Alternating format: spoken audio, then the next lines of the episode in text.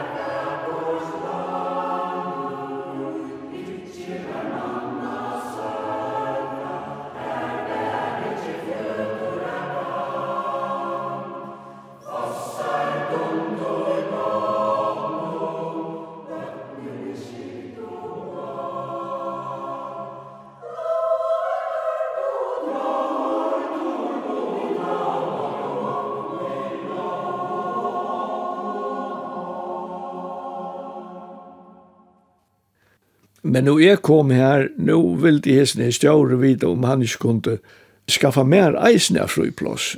Han er ikke lova en utlengding i fjør, og han fikk han ikke, så han helt annet kunne kobla det ivr og alt det.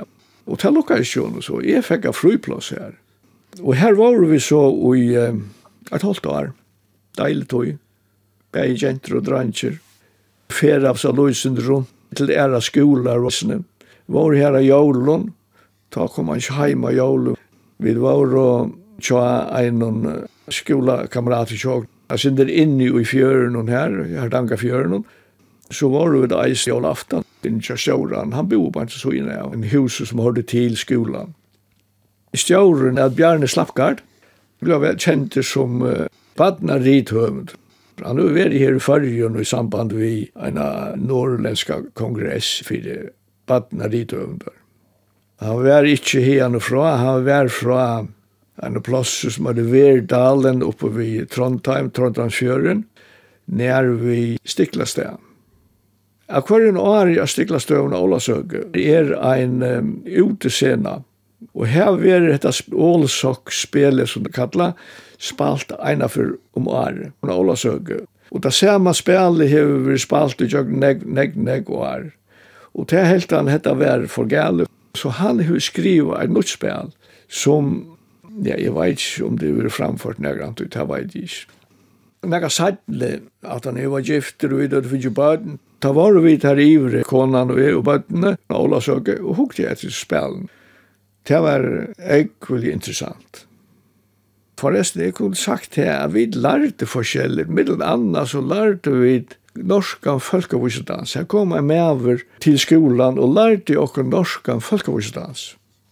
Her fortalde jeg fra at um, den norske folkevisedansen, han var nærmest utdeg. Men det var en som er at Tulla Garborg, som uh, heilige som fruska han oppater.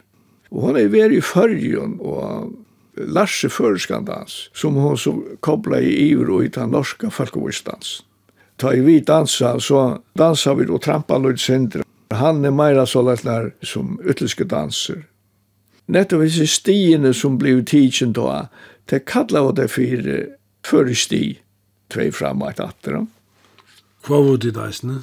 Nei, det gjør du ikke. Men Men vi var her en affær, ta kom en mever av vidtjan, en føringer. Jeg må nå si at jeg, at jeg gikk på Jeg, jeg var nek oppe i Høyvuk, tja, om Japa, jeg hjelpte Hodja og annak sårnaga, og jeg var grunna nek heima tja Olaf, Mår og Dinne, tja Januse. Og i nek og førun så fekk jeg Dinne a hjelpa mer vi nek og oppgave som vi hadde i primærskola. Janus gikk eisen primærskola, han gikk en klasse hagrene, og Janus og jeg kjentes vel. Jeg var grunna nek her heima tja taim, tja dinni. Og hon hjelpte mer grann egg vi selv av rokning, matematikk og sånne. Det var en så god kvarteren i fekkel at jeg fer. Så det var vel last. Og så tar jeg var liv i preliminærskola sjående, så visste hun av at vi skulle færre i til Norra. Og jeg sin her føringer som var i Norra, det var en som er Nils Paul Mår. Han var badje til bøndan Maurus Mårar og Olaf, pappa Janus. Og han bo i en plass som ikke var så grad lengt fra, altså ikke nærre Bergen, øyste seg. Her bo i han, sammen med konene, hun var apotekare. Det eneste sambandet han heier vi følger, til å være i jøgnen dinne. til å skrive av sammen. Og hon har nog nevnt i en brev her at det var tvær føringar som var her og har danket folk å ha skola. Så ein det her, nu får han vita brev fra honom. La brev til var kost. Hver han bare skriver til tarboa føringarna og har danket folk å ha skola. Han ville gjerne komme en tur her til hvis det var interessant og alt det der. Vi visste at det er så til stjåran og han helt det, jo jo, let han endelig komme her. Og han var her flere ideer av skolan og fortalte om farger, fortalte om alt møvelet. Han kvär nog kvær, ja. Det var han god til, disse Nils Paul. Han var sin kjølsamer. Han var kanskje sin kjølsamer. Han var lærerlarder. Han var lærere ur i Mykinese, og Weizmann var lærere sørva i eisene. Han begynt å lære bøtene først. Det var ikke gode politikker da, så han ble kortet som lærer. Og han råkna i vi, at hvis han var kortet som lærer, så fikk han aldri nægge jobb atter. Tog, det var samme instanser som, som hei kortet som skulle tega han atter. Så han snakka av. Han får en. Han uh, meldte seg inn og i uh, Ja, det var opprøst i Russland ta. Han meldte seg inn i annan herren her. Og på en merkelig måte så han kom han altså livande fra det. Enda i oppe i Norr-Norra, giftesteinare som var aptekare. Og bo vi her i Honnesvåg og i nek, nek, nek var. Tei var korsen til tei flott ni til etter plosset Øystese, hver jo hon fikk et uh, anna jobb som apotekare. Jeg var forresten og vidtja i det, jeg bor ikke av dem, her i Øystese. Han er en nok så merkelig evner, han er i klebjerna. Han kunne godt si at det er året som du har sagt. Tog trolig han nekv brukte til å halda fyrelestrar om alt mulig. møvlet. Tog alt som han er lise til minst han.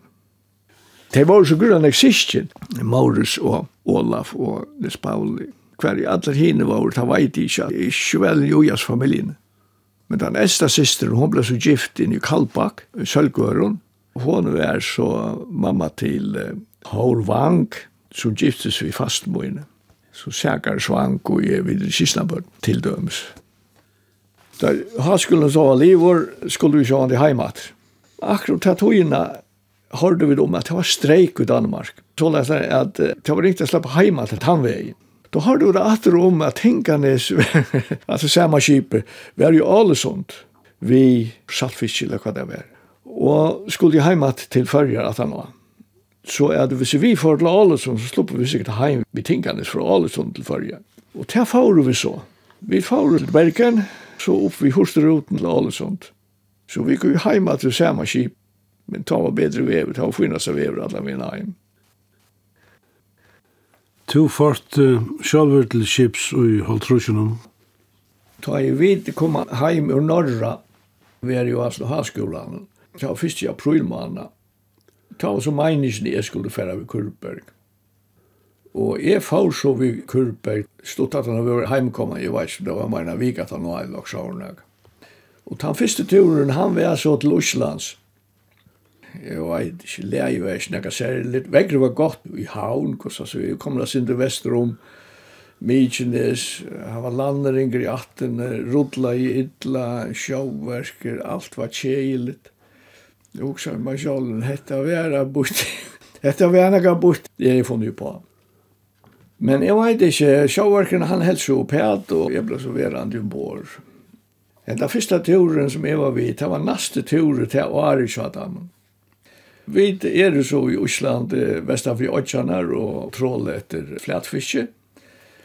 Og ta i så tøyen er ute, så jeg sikla ned til Grimsby og landa. Lenge tegner, det er sikkert 1400 grader sikla. Så det tok fem døgn å sikla ned. Og så er landet her og selja fisken her og oppe på Sølen. Ja, så kom han opp til Førja, så ligger jeg vel her i havnen og der, Og så er det alltid til Oslands og eisne Vestavjøkjanar. Jeg minnes til han var altså godt vevet han turen. Og fiskeskabren var gav, vi fikk nekva fisk. For det mesta flætfisk, tunga og reisbruka, til det meste av det. Jeg synder av hus vi kvart. Ta i så, togjen var ute, plata fisk og gjerne tog det her og såre. Skulle vi færa at sykla heim, og det er altså fyrir seinast og halin at etje, så kom kokkeren opp og låste kipa her ned og styrte henne løte og vi færre sin rundt og folkene kaffemåler og dekket gjøre rent og gjøre kipa klart og sikla. Det ble så rævlig risting i kipen, og det ble slekket av på en veien, og det ble alle samtrum, det var et skrueblad som var brottna. Han hei bare tvei skrueblad, så det var bare det ene som rikket i. Så dette var ikke godt. Det gikk fram og undan, Men det feit tru år fra undan var eisne skrubla brot. Og det var bare ut for Aberdeen, og det var så fannet inn i Aberdeen, og finner så sent han ut skrubla ur Danmark til å se det ui. Men så helt pappa jeg lukka alt til at for å bråta skrubla, det var ikke godt, best å få seg noen ordentlig skrubla. Så han bestilte noen russ og stalskrubla. Det ble så sett ui, og hese gamle skrubla, det ble så kordian, bank fram i lugaren. Men nu brottna jeg Anna av oss russisk statsgrovblån och så det var ikke så godt. Men vi hadde så reserv ombord till bättre. Vi färra seg inn i Västmanlagen här och vi kunne sleppa på beting her. Nei, nei, her var håpløst. Det var nekker Russländar som boja och på å sleppa opp. For en tajr hadde vi er slå på vidånga vi. Det var slett stil till så var fiskeren råten. Så vi får ur Västmanlagen natter och og for å sykla heim. Og da vi silte, så hadde vi alltid segl oppe, størst segl oppe, for å ha det roligere. Og med sanen hadde vi alltid oppe da vi tråla av, og så hadde vi en fokk i eisen. Hun ble sett av eisen, og så silte vi vi seglen, og vi tog av motoren som man tørde å køre av. Og det gikk relativt kjøtt, og vi kom så inn av Vestmanna, for på bedring Vestmanna, og hver hette ble skift. Det var at vi tror jeg skifta, så nye til Grimsby og Landa. Det var for disse største turer som kurber nega vi gjør til av flatfisk. Vi selte for 4600 pund. Det svære til ca. 5.000 kroner. Det var nega penger da. Hvor så står det ved Kurberg? Kurberg var målt der halde 6,5 tons. Han bygde i havn. Han bygde nu John Dahl Og det første og det neste året var han i Grønland ved snør om sommeren. Og annars snurra jo varer om veteren i snurrvått. I sajtene så fann han på å sitta trål og Jan Stein 4. Men til trålgreiene som vi tøtt var ikke så vanliga trålgreier som trålarna rødde. Vi tøtt breitlar til det som er fra trålen og nå fram i lemmanar. Tar breitlarna var skulle lentje sjokken vi høyde av toverse. Så lett er at det virka i nøgrunda som er snorrevåd hver og tågene lukka som sveima i iver bottnen og reak lukka som flætfisken atru i trål. Breitland tjokko var 120 fauna lenger, men trollaren vanlig halde i brukt gjerne 15 faunar og så. Men det så utlar ikka. Var det nære det silt vi noen? Ja, kurpe var nekva silt Men det var at han og Eva færen av. Høyviskinge ble så bygd det her, og jeg får vi høyviskinge, og jeg får gang på skole, og at vi høyviskinge. Og tog togene var Birgit Batsum, Batsim, Sibara Kurberg, og ta rundt og ta, ja, det kunne du kanskje komme mer inn på, ta rundt etter hjemme. Sattene så får dere fiske opp, sa vi innom, vi snelle. Og i sild, bæg opp så i sild. Så han over fiskene jeg var tog. Hva var firemynden til hendan baten? Det var Høyvuk som var framan undan, og det skulle så være en bater som var bare sin større som man kunne røyne og være vekkri inn, inn i Høyvuk. Jeg får bor i 1956, for å sted tulljum vare, hets i årene, og kom atter ta sinde fyrir år, og så om veteren så la bater for tøy av Vestar og Afrika mesta, og vi rensa motor og sånt. Nek annars så det isoblade ger och vetrarna her, Det var att eh, fiska för fiskarna sörtna stövna. Det gjør du ut flere vetrar. Trolla og etter forskjellige och og sylt och runt om i fargen. Det kunne nevnt att han ena vetren ta var bitter om att fære en tur för strandfärslarna. Det var nettopp en sånn veter vid rent för fiskar så där tona och då kommer att havnen heter värda syndro är jol en vikel och så när kan och så kommer Stramfertland og sier til at vi da var av havsugrulering samband vid skoarna och i långre tog och sporde om vi kunde färra en tur til skojar vid jolaposten jo jo det kunne vi godt färra det var allt läge Det blev så allt kort ombord, det så skulle det kvaras ombord, så skulle det skojar, vi två så. Ja, det var en interessant tur förresten. Vi var først til Dals. Og her skulle så neka i land. Vi tøtte en bad på Sleip, som slev. Fylte vi to i vøre, skulle på land i Dalle. Det var så i land her. Og så kom at han ombord ved en rosse. Det var en ross som, ja, det sa til at kvalpingar hadde kjøpt dette rosse. Det hadde fletta opp i landet, og så førte det ut ved en bad, og vi låsa det som ombord. Og så fer jeg til skojar. Her var nok sånn jeg skulle i land i Skikve. Middel annar tonner av petroleum. Og jeg husker for meg selv, hvordan jeg herras navn gjør det der nå. Der tog han enda og bondjan han av tonnernar, og så grutta tonnernar ut og sleipa det inn. Og så rodla der da på land. Det var maten der brukt. Så finner der til jævla vøren og i land som der skulle hava, og Og så kommer han med og bor og spyr, vi skulle ta en kikk heim vi til havnar. Jo, helt det, er, vi kunne ta en kik vi. Ja, det var en havnar med som med kjett en kik. Og det var så leksjan henne i kjettan. Han vil gjerne hava henne nu. Tar kom oss ombord vi kunne. Det som det gjør det, det var at det drog båten opp ur skoen. Løtte noen høysekken i båten. Og så løtte det kunna nere av høysekken og bundi han akkurat som han seg, beinene saman. Og så råd der ut vi igjen, og så lossa vi den ombord. Og vi sette han så i middelen huset her atre og trollgolkan her atre, og her stod han alla veien heim, og han heid ikkje godt, og vi fikk kjel vever norrat. Reiget livran. Vi rønte han leggjana presenting og divran, jeg var ikke da hjelpt sånn jeg. Attan har vi det vært i skikvet, så får vi inn til Sans, Her hadde vi eisen jeg gav øre vi, og så får det hjemme. Du nevnte hjemmere. Ja, at han var mars var utfør i Osland, så var det håpløst. Så var alt her som vi hadde rønt innenfor mars i Osland. Så her var det ikke gjerne for til Osland. Det er litt av en som for til Osland. Her var ångestene i Røyna. Vi rønte så løsene der under førjen, og det er Jack Idla, altså det er Jack for Idla.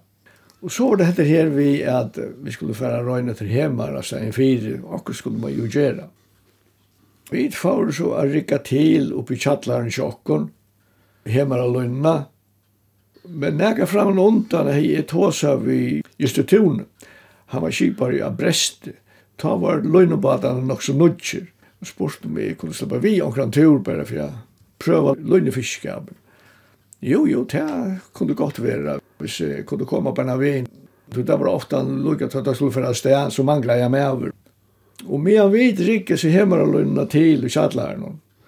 Nå ringer jeg just og sier til jeg, hvis du vil komme vi så, så er det her og nå. Og det var jo ringt at jeg støv til etter det, tog jeg visste ikke helt. Det var stolt av affære hjemme og skal vi. Men jeg tog så av affæra vi Breste. Vi er så en tur vi Breste. Vi var rundt i banken. forrige banken. Jeg var nekk fiskere få, og så nye til det breska marked, nye til Grimsby.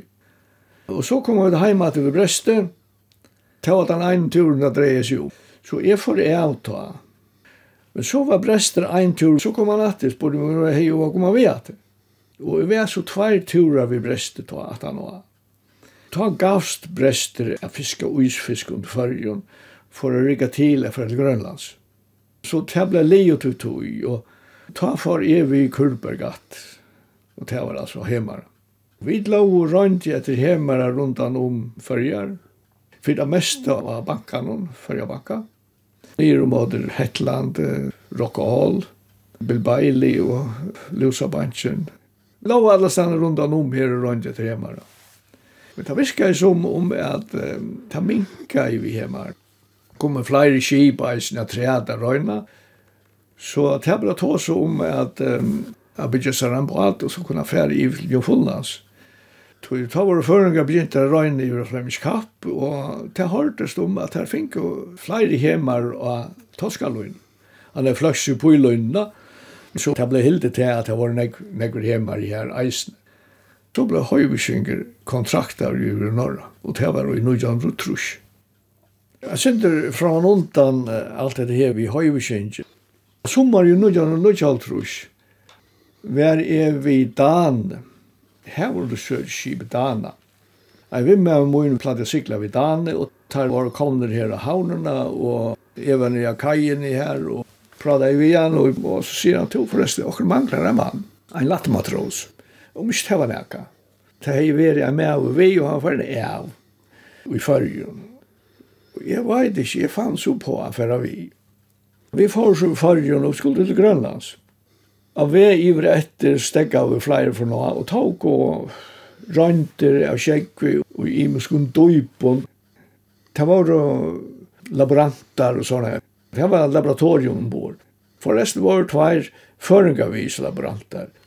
Nils, Nils Nilsen og Eion, Eion Winter. Tær bare var vi som laborantar. Og tær arbeidde så samme vi laboranten ombord. Jeg og Grimberg, vi var jo dekkar, ordet til manningene. Og i Grønland, det her fundar så på at vi skulle være fiskar i snell. Rikka var sneller til av vi i retter. Og fisker som hun fink, og han ble så mester her i og släppte han steg alt. Ja, vi ser ikke var illa, illa færen av hudsen. Og det var det vi gjør her i og annars halde jeg til sommer her i Grønland, for det var kallt. Det var nek her i ratar høtt vi tvær ratar, jeg var ikke, han gikk fire og så. Det gikk ikke så kjøtt sjåk, sikla, silt grula spekla, ta vi silt. Men interessant å tur, ja.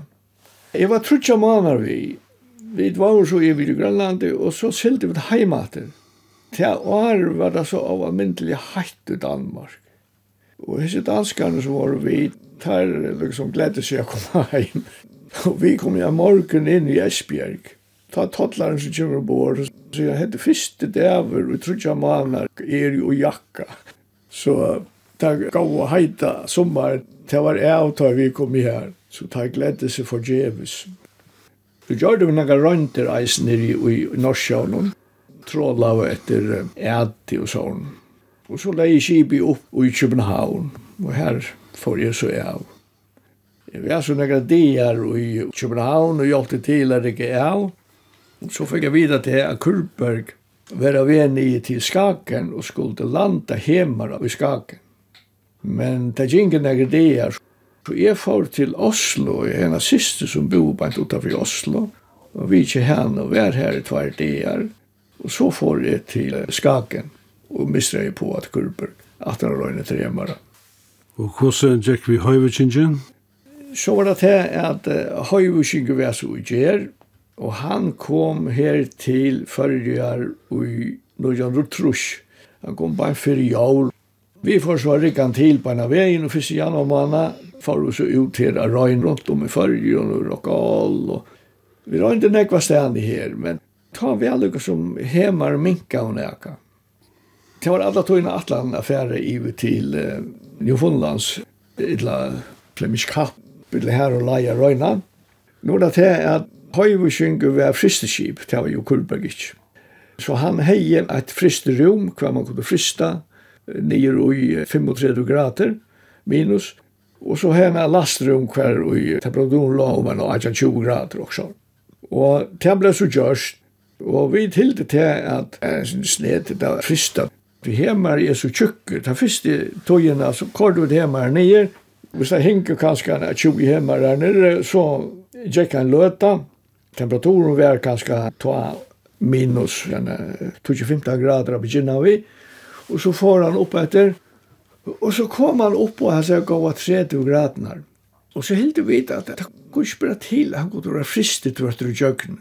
Så vi tog så ofte hjemmerne opp, opp at det ikke bare i håløyter.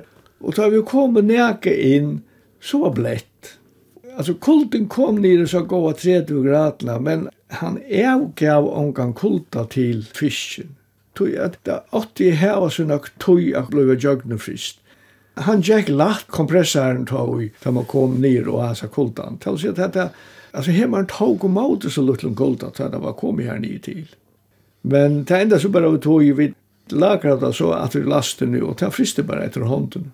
Sikkert negaderat han och Så om året så får hun i til Jonas. Og Flemish Kapp var kaldt i kjekver. Og vi sildi så inn av Grand Bank. Jeg var eisen kaldt i kjekver. Hette vi var jo i april måned eller også året. Det var så kaldt i kjekver alle stedene. Og det er nytta i ikke å se det her som kaldt i kjekver var. Det var ikke nemmer. Så vi flyttet jo okkur langer, langer vester, sånn fyrir Jofunland, og ur Nova Scotia, Det var eisne kalde skjeggur. Skjeggur var en av 0 grader, kanskje pluss 1 grad eller også. Hemar og løgna ikke okkon, hun var så såleis at hun fleit. Vi hadde några oppstandar, så var det ganska en av fyra fem faunar. Og så var sjående leggerna løgna, og så var hukeren. Her hadde hun en fauna av veire, og så en av tvær faunar av toversen, Så så var kostet på i løgna. Så at hukane var og kanskje nirri, her som Agne var en av sjåta faunar. Og hetta var mat hadde fisk i fyrjun på. Men uh, man sagt at vi sjekker hun veri som ikke kalder her nere i eisen. Ikke fyrir sattene funn ut det av tog at langer nere var heitar i sjekker. Så funn ut på at hava oppstandarer på 20-40 faunar. Så det er at Agne får langer nere, og her kunne de hemmar være. Men å se det her som det var kallt, vi så stod den oppstandaren, det nytta av ikke. Tog ber grulig når jeg eksperimenterer og rønt de første togene. Vi var bare tog manns vi, og vi sette nok som jeg var løgnet. Løgnen så og var, av begynne av i var 32 fjårungar, så at um, det var en løte at dreja det atter. Det skulle jo sete, og sette jo fotlar og fyrir, det tog fyra timmar å sete. Og drog og kanskje av fyra mot fyr, da er det tjekk godt. Og så atter jeg sikla til et annet plass. Det var nesten trøttende å begynne av igjen. Men ikke for sætten så får ni det å ta vår og vidt sånne for Nova Scotia ut fra en som er at Cape Sable, sånna enda av Nova Scotia. Her var det så døyp, her sette vi så, her fingur, ta hemmerne som vi fingur tanturen. Fingur ikke fotland på alt. Vi fikk en halv trus tans tann turen, og så var det som turen ute, og vi får så sykla heim. Kom vi heim etter halvtid til Ola Søkla, nekka såleis. Så får det rikka til for vi gøtt noen etter silt. Vi får så ta en av affär til sikkert vi i september måned videre farnere sted. Når hun farger er røynet silt. Ta silt så vi tar finko. Hon ble så frist ombord og brukte lagen til Lundbad. Det er ikke funnet. Jeg var så bare den ene turen vi, ta for jeg gang på skola, Sturma skola. Hette så vi er noe andre ene trus, vi begynte i halvt jo i november måned. Hvordan står var Høyvesynken? Høyvesynken var 106 føtter lenger. Det hadde akkurat gjort, han akkurat samme slag på til Oslands. Han bygde bratt og det var akkurat sammenslepp, han bygde som teknik alltid. Motoren og Høyvesynken var ikke større, han var ikke bare 330 hestar, økonomiske motorer, Vølund, Han gick ikke kjøtt helter, men uh, man går fram. Han är ju tvär nog stora ljusmotorer till Fristaroje och så är han en luttla ljusmotorer träd en hauna generator Och har ju en skrokkeren, han sykler inn. Han er gaver, skrokkeren alltså. Ta ut i dag finns ju hövdkink, blev Birger Kipar av Kurbergen. Ja. Pappa får så av Kurberg och Birger ble så Kipar av Kurberg. Tar for så bara vägen att rycka skip om til till rön etter Uppsa vi snelle. Ta rönde så i flere år etter efter og ta fink og och nekvan Men jeg gikk på skola sommarferien. Ta var i ein tur vi Kurberg og Uppsa var i, var i Osland. Og vi fyllte baten. Han var fotler. Det var fullt. Og den ene dagen, men vi fikk 38 000 pund ein dag her i, jo i medlemsbukten til nøytjantans driv i hånd. Det var gav og staurer oppse. Lasten tog cirka 100 000 pund, resten til var så adetsjon. Så det var 43 000 pund adetsjon, på badren var fotler. Du nevnte til at du får på skola om heste i Einetrus. Vi begynte ta i november måned, og vi får ut av nødja skolan som er der ute. Fra november måned til i januar måned var vi den eneste klassen som var på nutje husen.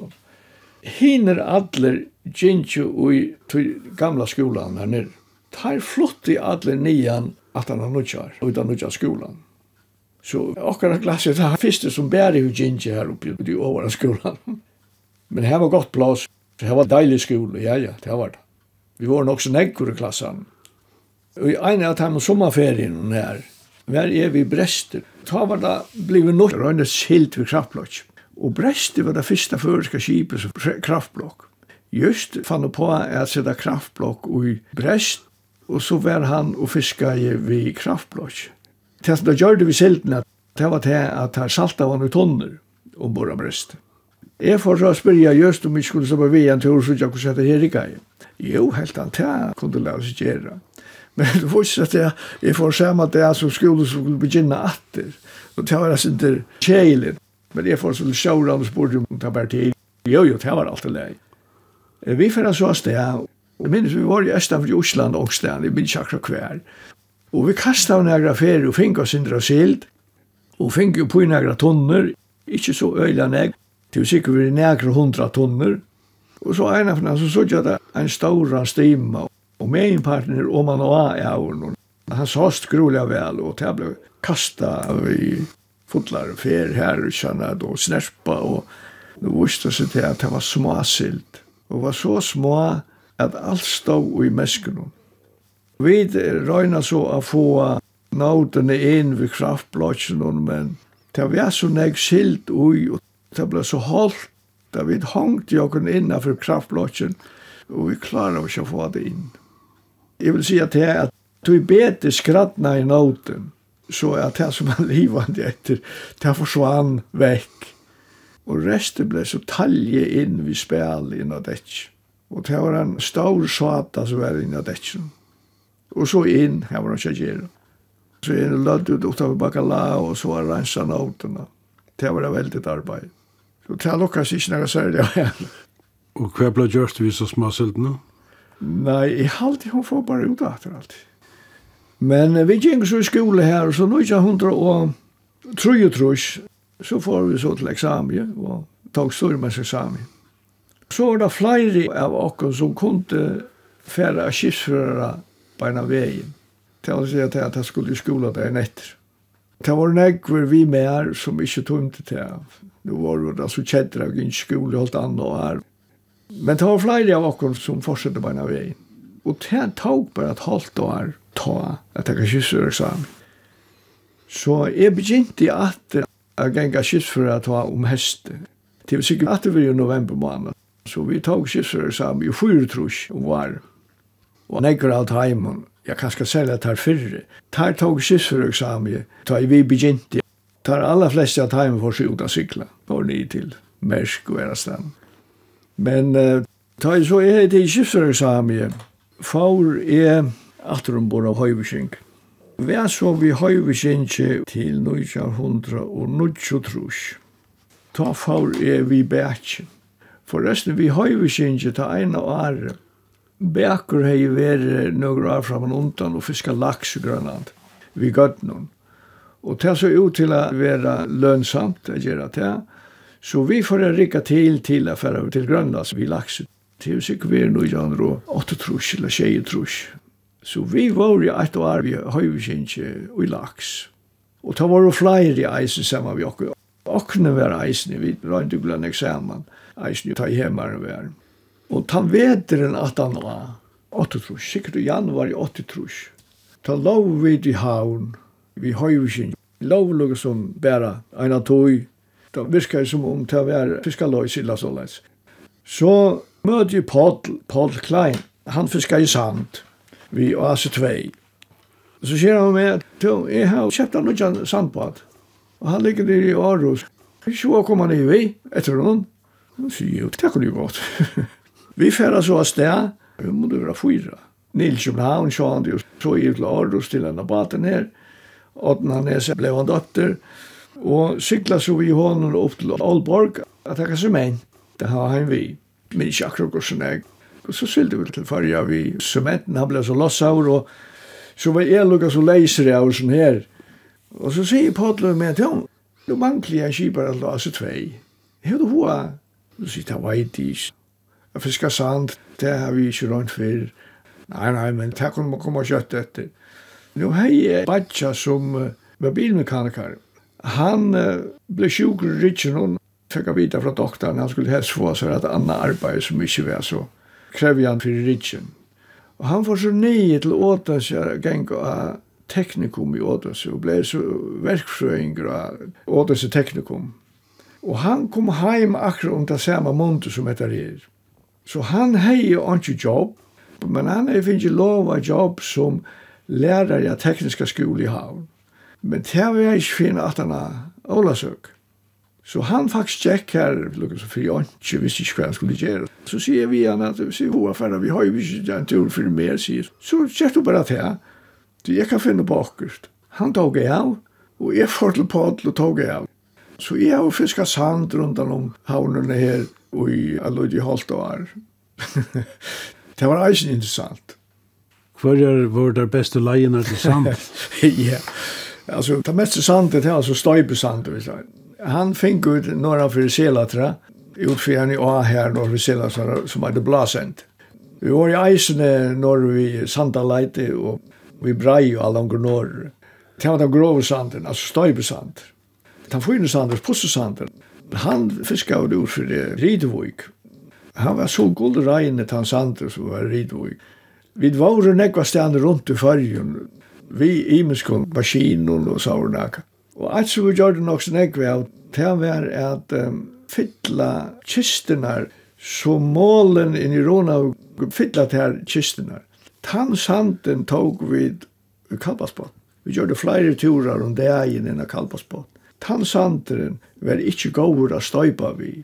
Det var sånn syro ut i sanden, homosyro i sanden, som gjør det at betankje morleis etter hånden. Og trygg mer, vi da var veri av sante, vi sante, støypesant, det var eisen til. Oh.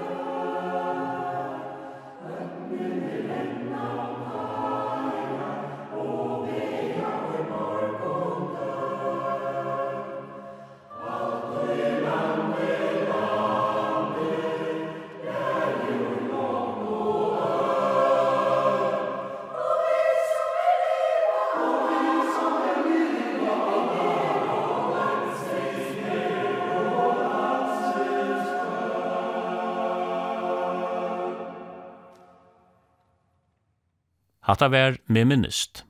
Jeg hitte Egil Simonsen og i Høyvøyk. Onnur sending.